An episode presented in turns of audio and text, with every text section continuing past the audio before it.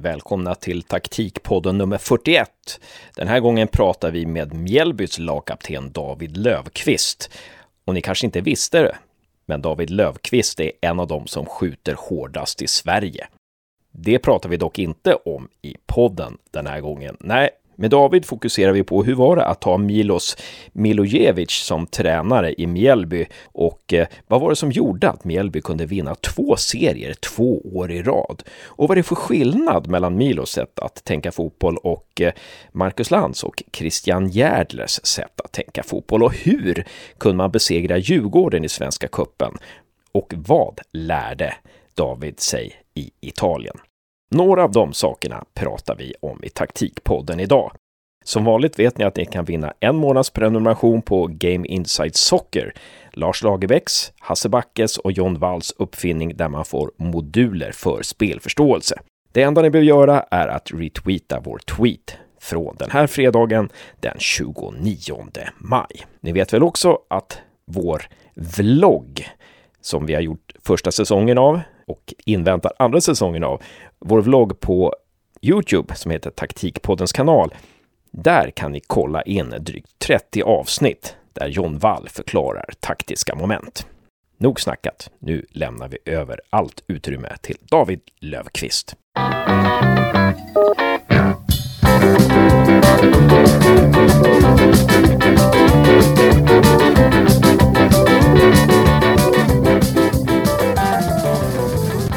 Välkommen till Taktikpodden. Ett stort varmt välkommen David Lövqvist. Tack så hemskt mycket.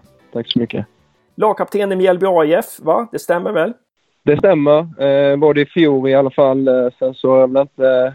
Ja, jag har väl varit i dessa matcherna vi har spelat hittills så... Eh, jo, men eh, jag kommer nog köra vidare som lagkapten i år. Så känns det. Ja. Du är ju Mr Mjällby kan man säga. Du, du, jag tror du gjorde din första säsong i Mjällby 2007. Du hade en fantastiska säsonger 2010-2011 där. Gick till Parma, blev utlånad till Malmö, Odense, kom tillbaka till Mjällby, gjorde en sväng i Kina och sen så nu har du verkligen varit en ledande person, ledande spelare i Mjällby som verkligen har, har, som har vunnit två serier två år i rad här nu. Eh, så det ska bli fantastiskt kul att prata med dig. Men innan vi kastar oss i samtalet med dig, eh, Josef, välkommen! Tack så mycket! Ser du fram emot det här? Det ska bli spännande. Vi har, jag har väl någon i min klass i alla fall som har en otrolig Mjällby-anknytning. Så man har ju lite koll på dem nu på senare tid. Så det här ska bli otroligt kul kan säga att Josef eh, pluggar pluggar sportsmanagement eh, nere i, eh, i Växjö där så att eh, ni håller till ganska nära varandra.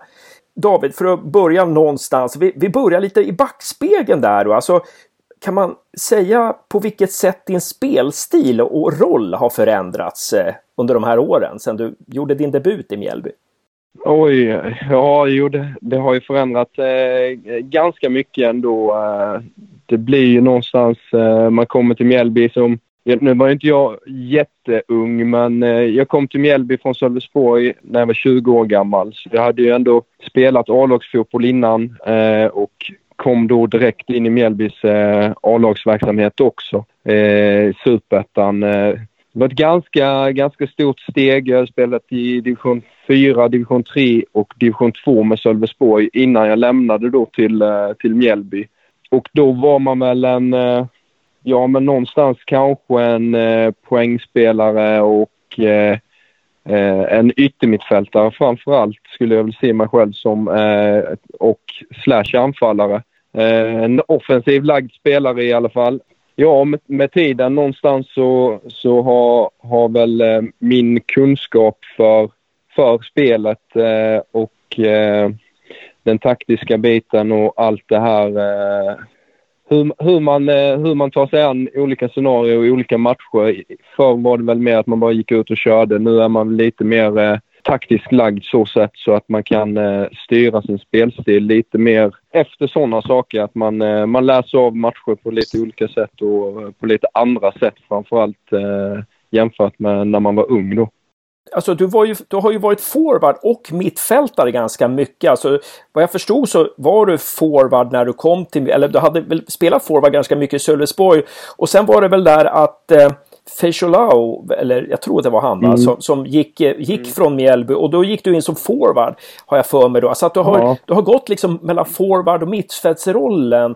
Vad är det som gör att du ändå har fastnat, ganska, eller du har mest spelat mittfältare? Ja men eh, faktiskt i grund och botten så är jag en eh, central innermittfältare under hela min ungdomskarriär om man säger så. Sen så när jag kom upp i A-lagssammanhang så räckte jag väl inte helt enkelt till eh, centralt och blev utflyttad på en kant men även hade den här, hade väl hyfsat bra speed och en bra avslut, avslutningsfot. Eh, och kunde därmed spela anfallare också. Och eh, någonstans i grund och botten så är jag väl en eh, innermittfältare. Men sen så som du säger så eh, Erton lämnade Mjällby och eh, jag fick möjligheten, eh, det var väl 2009 vi pratar nu, eh, fick möjligheten att gå upp och spela anfallare. Och eh, jag tror jag gjorde fem eller sex mål där på sju, sju åtta matcher eller något. Så jag hade ett, en bra utdelning och eh, tog väl ett kliv till kanske då i elitfotbollen eh, på en ganska kort tid och kände att jag eh, kunde leverera liksom på den nivån. Eh, så det, Peter Svärd eh, satte mig som anfallare och jag tog väl chansen om man säger så. Vad var den största skillnaden mellan att spela anfallare kontra yttermittfältare i Mjällby under den tiden? Vi var ju ganska eh, tydliga med vår, vårt 4-4-2 och yttermittfältare satte press på, på ytterbackar och anfallare satte press på, på mittbackar. Eh, Svårt att säga eh, att det var, det, man är ju, har ju 4-4-2 i eh, ryggmärgen på något sätt. Och svårt att säga vad den största skillnaden var, alltså mer än att eh, du hade en lite lägre utgångsposition eh, som yttermittfältare. Sen så var, det, var jag väl ganska fri i rollen som yttermittfältare, att jag kunde ta mig in i banan och även liksom kanske ligga ganska högt upp i positionen i, i vissa matcher också. Eh, nästan som en tredje anfallare. Och, ja, som sagt, ganska svår, eh, svårt att säga vad, vad den stora skillnaden är så sett. Men eh, det var väl mer att eh, när jag spelade yttermittfältare så kunde jag komma in mer i banan och eh, kanske hitta avslutningsläge själv istället för att eh, ligga på, på rulle på kant och komma till, till inlägg och så vidare. Så kanske en lite mer friare roll kanske jag hade som eh, yttermittfältare. Ja. Det, här med roll är ju väldigt intressant. När du, var det, väl, det var väl 2010-2011 där som du gjorde 14 mål på två säsonger i Allsvenskan. Eh, och, och, alltså, och då var det väl mittfältare som du spelade mest? Ja, eh, jag spelade mycket, eh, mycket yttermittfältare de två säsongerna. Det gjorde jag. Eh, sen så fick jag nog en, en hel del matcher ändå som anfallare också. Eh, kom ihåg till exempel en match eh, hemma mot Gävle på, på Strandvallen där jag spelar anfallare och gör två mål eh, och har Ekenberg bredvid mig. Eh, vi, det blev ju lite sådär, vi växlade ju av några spelare mitt under säsong. säsong. Eh, då var det väl LKB som försvann mitt på sommaren och eh, då fick jag ta den platsen som anfallare och sen så kom väl Per Eriksson någon säsong kom han från eh, från Göteborg ner till, till Mjällby då och eh, då hoppade jag ut på kanten igen. Eh, så det, det har växlat lite så här fram och tillbaka. Och sen så samtidigt så har det varit två roller jag trivts eh, väldigt bra i och eh, har väl gjort bra resultat i båda positionerna också. Men hur funkar det där då? Alltså om man går från position, alltså du fick hoppa ut på kanten, du, fick, du, du spelade i anfallet och, du, och så vidare. Men hur funkar till exempel nu när, från och med i år när det är Lantz och Järdler som, som är eh, tränare då, hur funkar det här med position? Är det någonting de bara bestämmer eller får du vara med och, och ha, ha åsikt där också eller? Hittills så, så är det ju såklart eh, Marcus och, och Christian som har satt spelsystemet och spelidén och hela den biten. Men jag har ändrat lite i år eh, jämfört med de andra åren och spelat mer med en, med en trebackslinje och eh, två wingbacks och sen så har vi spelat med två centrala och två tior och en forward. Så vi har varit ganska centralt lagda med mycket folk centralt. Eh, så eh, nej, men det är ju såklart eh, Christian och Marcus uppgift att, eh, att eh, ta ut laget och eh, ja, sätta spelidén och den biten. Där, där är inte jag involverad i, i någonting. Och klart, skulle de fråga mig om någonting vad jag tycker så, så hade jag ju såklart eh, sagt vad jag tycker och eh, vad jag hade, eller ja, eh, vad jag tycker känns bäst eller vad, vad jag tror kan vara, vara bäst för laget. Men eh, det, det, vi har gjort nu hittills i år eh, känns eh, jättebra så det finns absolut ingenting att, ingenting att ändra på, på i dagsläget. Vad skiljer sig eh, Marcus och Christians spelsätt mot Milos de två senaste år, säsongerna? Det som skiljer sig eh, lite är väl att eh, Marcus eh, Marcus är ju huvudtränare och det är han, eh, han som har satt eh, han ihop med Christian såklart. Men Marcus trycker väldigt mycket på att han vill ha, ha ett possession-spel, vilket vi, vi kanske hade i, i Superettan också, men han vill gärna eh, med Milos då, men, eh, men Marcus vill gärna flytta upp possession-spelet lite högre upp i banan om man säger så. Att vi ska kunna kunna vila med bollen på, på motståndarens planhalva och på så sätt föra matcherna lite högre upp i banan. Eh, kontra då eh, hur det var med Milos där vi också spelade, eh, ville spela en fin fotboll och längs med backen men vi kanske var lite mer rakare och satsade lite mer på, på våra omställningar.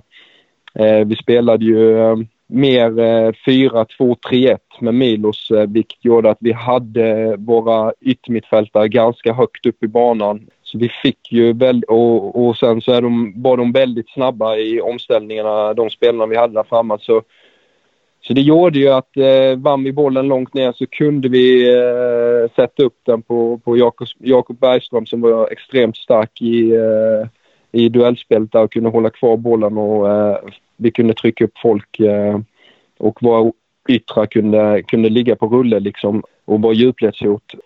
Nu är vi ju mer eh, ett mer, eh, som jag sa innan, försöka, eh, eh, försöka hålla bollen inom laget. Vi är ganska mycket spelare i de centrala positionerna vilket gör då att eh, våra wingbacks ska ju kunna komma ganska högt upp i banan och men det blir kanske inte riktigt eh, samma det här eh, omställningsspelet som du, du kan få ut på kanterna eh, i ett tidigt skede eller långt ner i banan om man säger så. Ändå mot Djurgården i Svenska Cupen eh, hade ni ett jädra bra omställningsspel alltså. Ni var ju mycket giftigare mm. än vad de var.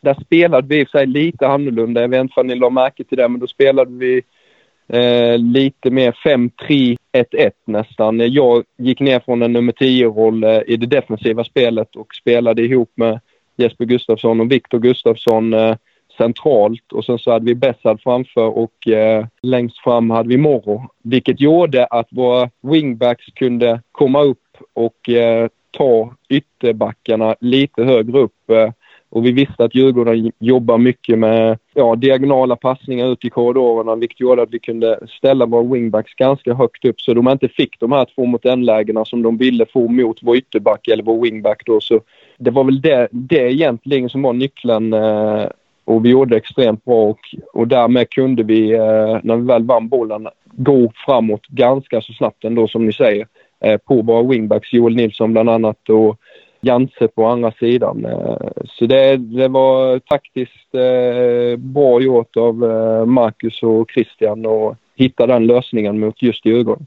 Tror du att det här spelsättet jämfört med förra årets spelsätt, tror du det här spelsättet passar bättre i allsvenskan än det spelsätt ni hade och vann superettan med? Jättesvårt att svara på, men, men jo, det tror jag nog. Vi får vara lite mer cyniska nu i allsvenskan och inse någonstans att det kommer vara 30 omgångar som kommer vara extremt tuffa. Eh, vi kommer inte kunna vara spelförande mot alla lag i, i allsvenskan. Framförallt inte på kanske då bortaplan, eh, konstgräs där det kan gå väldigt snabbt. Eh, just det här med wingbacks och kunna, kunna komma ner i en fembackslinje och tajta till det tror jag kommer funka eh, bra i, i allsvenskan. Eh, sen så har jag förhoppningar om att eh, vi kan eh, ligga i eh, lite mer offensivare positioner med våra wingbacks då när vi spelar hemma på Strandvallen där vi vet att vi är starka och vi vet att lagen som kommer ner och spelar mot oss på Strandvallen kommer ha respekt för oss. För de bör ha det i alla fall med tanke på hur de senaste åren har sett ut. Där vi har varit väldigt svårslagna nere på Strandvallen. Så där hoppas jag att vi ska kunna spela en ännu offensivare fotboll än vad vi kanske kommer göra på bortaplan. Jag tänkte lite på det här som vi pratade om innan med Milos. Uh, han tog ju upp er två divisioner. Uh, vad var hans mm. styrkor mm. och vad gjorde att, att det vände för Mjällby när han kom in? Milos styrka tycker jag var att uh, han var väldigt tydlig. Han krävde mycket av oss men han, vad ska man säga, han, han krävde väldigt mycket av oss, ställde höga krav men eh, någonstans så så var hans idé så tydlig så att man, man, man, förstod, man förstod själv någonstans liksom att eh, när man gör fel eller där, om man ligger fel i en position så på något sätt så vis, visste man det själv och eh, även om Milos kom och påpekade det så hade man liksom, ja, eller klart för sig att eh, där, där var det inte bra gjort av mig för, för att jag låg helt enkelt fel. Och man visste det redan innan som jag sa för att Milos var extremt tydlig eh, i de här bitarna där vi eh, med positionsspel och eh, var vi, vi skulle straffa våra eh, motståndare i, i vilka ytor och, och sånt här. Eh, vilket gjorde att eh, det var väldigt lätt att spela på något sätt. Alla visste sina roller och alla visste vad som krävdes för att, för att vinna matcherna helt enkelt. Eh, redan innan vi gick ut och började spela så, så hade vi stenkoll på, på våra motståndare och eh, precis vil, vilka ytor vi skulle komma åt för att kunna straffa dem och likaså vilka ytor vi skulle täppa till för att, eh, för att inte bli straffade själva. Så han var väldigt eh, tydlig och väldigt eh, duktig på, på att scouta motståndarna och eh, nå ut till oss spelare hur vi skulle spela helt enkelt för att eh, vinna matchen. Han måste ju haft otroliga kvaliteter alltså. Eh, gå, från, gå från Mjällby till Röda Stjärnan. Alltså, det, det, det är ju inte vilka tränare som helst som gör det. Nej, verkligen inte. Det är ett stort steg. Så det, nej, det är väldigt bra, bra gjort av honom. Vad gjorde Milos unikt eh, som gjorde att han nådde ut till alla? Nej, men eh, någonstans så hade han ju, som jag sa, en väldigt klar eh, spelidé och när vi spelare märkte att det gav resultat och då eh, finns det ju egentligen ingenting att ifrågasätta utan då är det ju bara lägga ner det hårda jobbet eh, som krävdes för vi visste att, eh, att vi skulle vara, ja att det skulle väldigt mycket till från våra motståndare för att, eh, för att slå oss och för att vinna mot oss. Så då blir det ju någonstans ganska enkelt för oss fotbollsspelare för alla vill ju vinna matchen. Och... Ja. När ni gick upp i superettan då inför förra året. Det är ganska ovanligt att en nykomling vinner superettan. Så vad var ni tvungna att förändra i ert spel när ni gick upp i, i superettan då? Jag kan tänka att ni kan väl inte spela precis som i division 1 eller? Nej, eh, såklart inte utan eh, det är lite kanske det som, eh, som jag sa innan att vi, vi var kanske, blev lite mer cyniska att, i vårt spel och att vi kanske inte tog riktigt de här riskerna som vi hade i, eller risker och risker, men vi spelade kanske inte riktigt eh, lika vacker fotboll eh, som vi gjorde, kunde göra i division 1 stundtals. Så, som sagt, eh, det var helt okej okay att sätta en långboll från, eh, från backlinjen upp till, till anfallen eller bakom deras backlinje. Det, det handlade någonstans om att eh, det Milos gjorde var väl att eh, om vi skulle slå en långboll så, så visste vi också samtidigt var, var den skulle hamna och man kunde nästan eh, ta en position innan bollen kom för att man, man visste att den skulle komma och då kunde man vara där och vinna andra bollar och eh, liksom på något sätt pressa ner eh, motståndarna. Eller, i alla fall, vi hade ju en extrem press eh, någonstans. Vi, jag tror det fanns statistik också på att vi vi löpte mest i hela superettan och eh, vi kanske inte hade mest bollinnehav men vi löpte alltid mer än våra motståndare och eh, gör man det så eh, vinner man oftast eh, sina matcher. Sen var vi ju, gjorde vi kanske inte all, vi gjorde inte jättemycket mål så sett. Vi vann ju ofta matcher med uddamålet eh, vilket i sig är en styrka också men eh, någonstans så kanske vi eh, levde lite farligt ibland också men eh, jag tycker det, nej, det var en fantastisk eh, säsong vi gjorde och det var lite så som, som jag sa innan, alltså med division 1, eh, spelet i division 1, att vi, vi fick ju utdelning på, på, på det Milos ville att vi skulle göra och då någonstans så blev det väldigt lätt eh, att jobba efter det och ja, vecka in och vecka ut för, för man vet att eh, resultaten kommer då.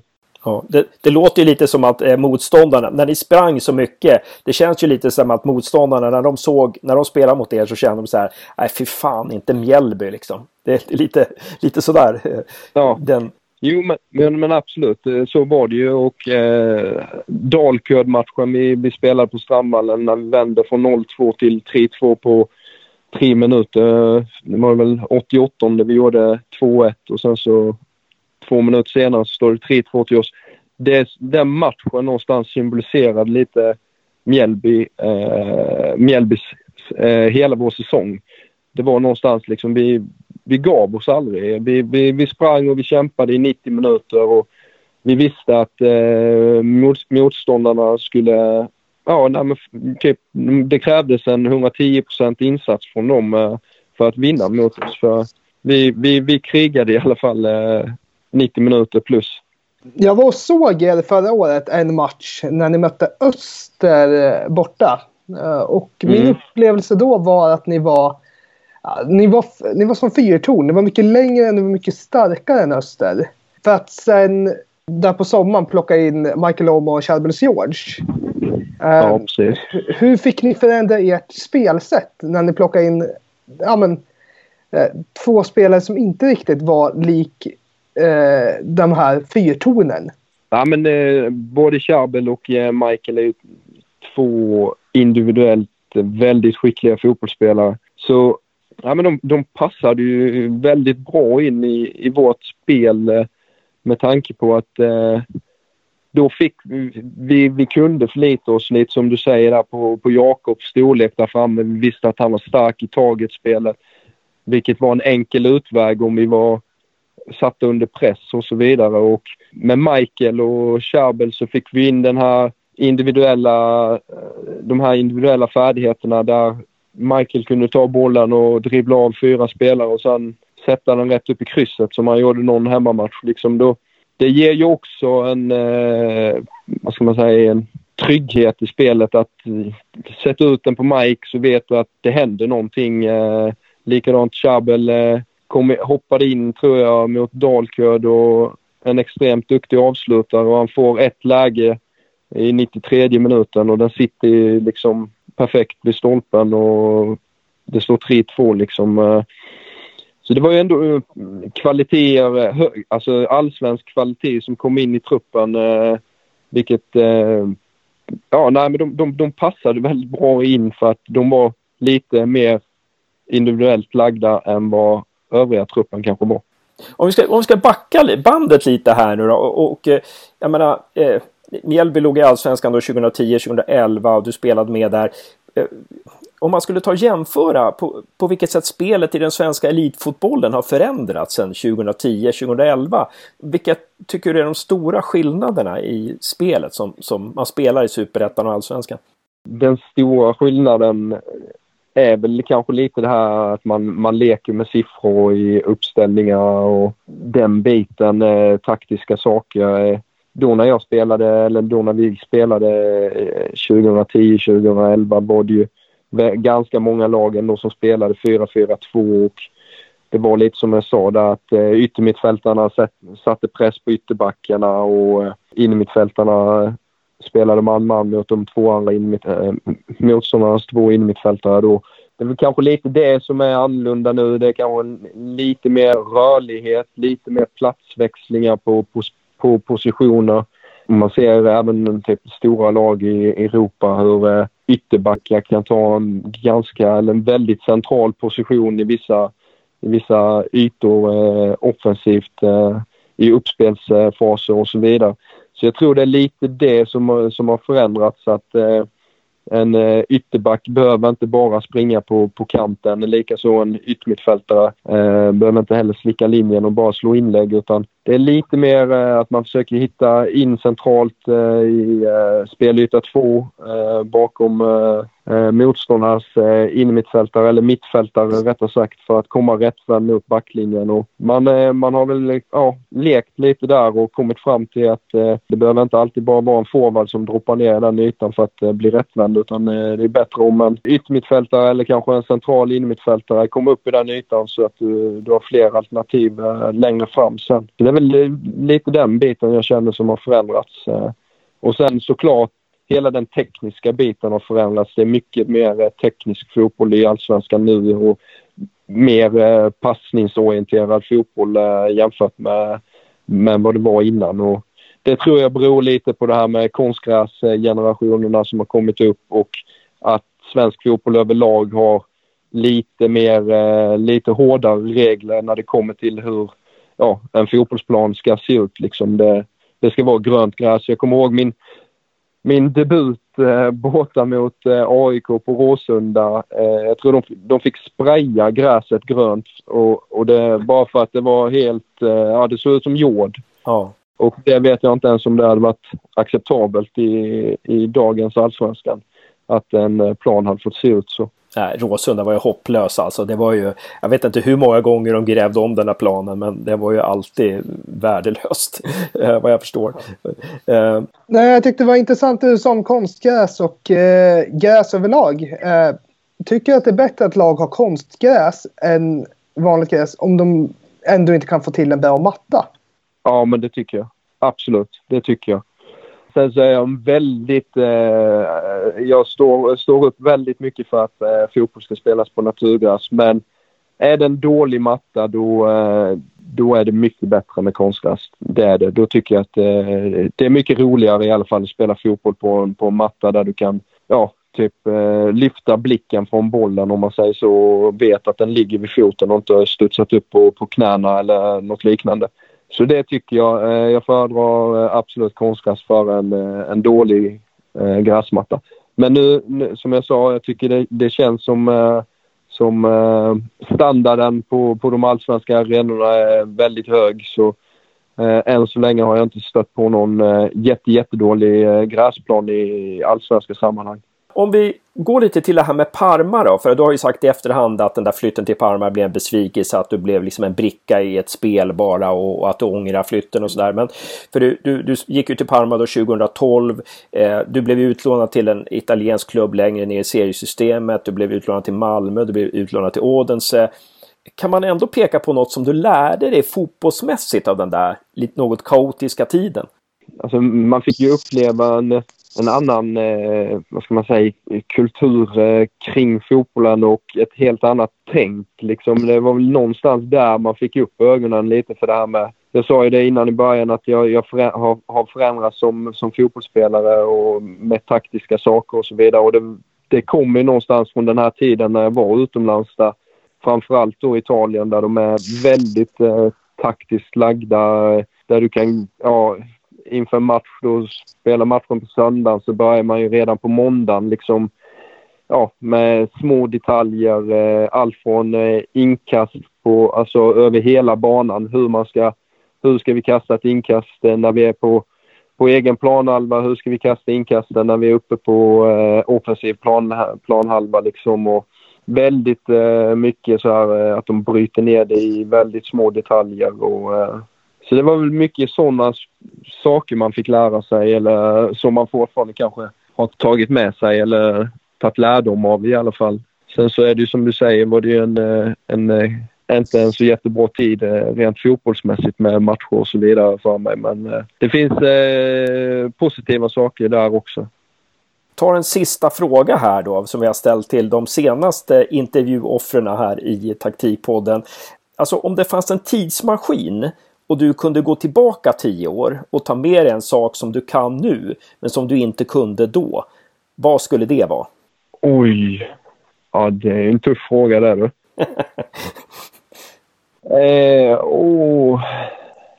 Ja, men någon, alltså nu är det kanske inte det ni letar efter men någonstans så önskar man väl att, eh, nu vill ni att jag ska ta med mig någonting men jag skulle väl snarare liksom ja, men någonstans önskat att eh, man kanske hade lite mer koll på eh, eller fått lite mer information om hur det funkar i, ute i fotbollsvärlden och hade jag vetat, eh, haft lite mer skinn på näsan och eh, om just, eh, eller skinn på näsan, kött på benen rättare sagt, om vissa saker så, så hade man gjort kanske lite annorlunda val eh, eller andra val helt enkelt. Eh. Det är inte alltid eh, de elva bästa spelarna som, som spelar och ibland är det, framförallt utomlands, så är det mycket mer eh, ja, det är andra, andra faktorer som styr eh, i vissa klubbar. Sen säger jag inte att det är så överallt och sen säger jag inte att, eh, att jag skulle spelat eh, alla matcher och så vidare men i vissa situationer så, så märker man ganska tydligt att eh, det är inte riktigt eh, ja, laget är inte format efter eh, vilka som är de elva bästa alltid utan det kan vara andra faktorer som spelar in någon som har ett, något inskrivet i ett kontrakt eller någon som kommer från orten eller lite sådana saker kanske? Eller? Ja, men, jo, men så kan det vara absolut. Eh, det finns, finns många olika saker som kan stå i ett kontrakt med, som du säger där, att säkert med speltid och så vidare och, och sådana saker. Stort tack David Lövqvist, eh, lagkapten i Mjällby, för att du ställer upp i Taktikpodden. Det var grymt intressant att snacka med dig. Och hoppas att du själv fick ut någonting av den här halvtimmen. Eh, annars är det en halvtimme som du aldrig kommer få tillbaka. Ja, precis. Nej, men det har varit jätteroligt att prata med er. Så jag tackar. Ja, vad kul. Och bra jobbat Josef. Tack så mycket Hasse och tack så otroligt mycket David för att du ville ställa upp. Det Varsågod så.